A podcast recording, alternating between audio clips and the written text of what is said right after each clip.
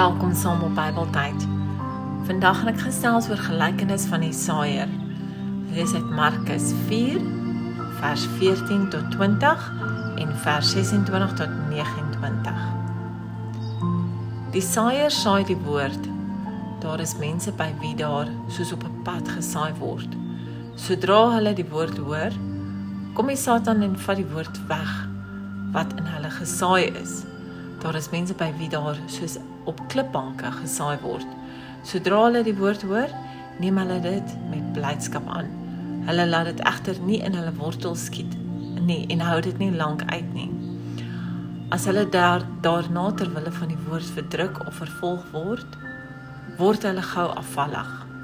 Daar is mense by wie daar soos tussen die onkruid gesaai word. Dit is hulle wat die woord hoor maar die sorges van die lewe en die verleiding van rykdom en die begeertes na allerlei ander dinge kom op en verstik die woord en dit bly sonder vrug. Dan is daar die mense by wie daar soos op goeie grond gesaai is wat die woord hoor en aanvaar en vrug voortbring.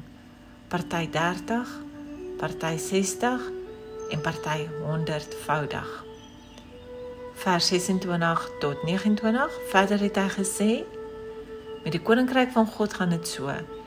Iemand saai die saad op die land en gaan slaap en staan op dag na dag en die saad ontkiem en groei. Hoe weet hy self nie? Van self bring die aarde die graan voort. Eers 'n halm, dan 'n aar, dan die vol koringaar. En wanneer die graan ryp is, steek hy dadelik die sekel in omdat die oestyd daar is.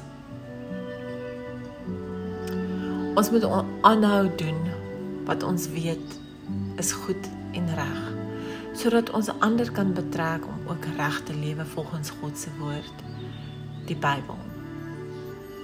Hoe saai ons vandag? Met liefde en omgee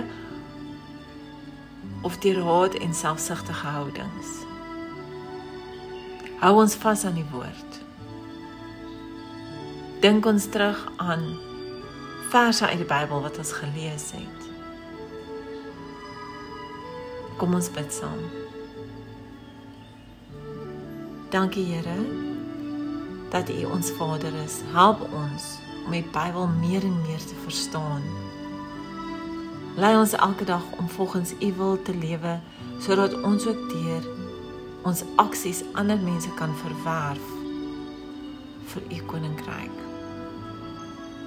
Amen.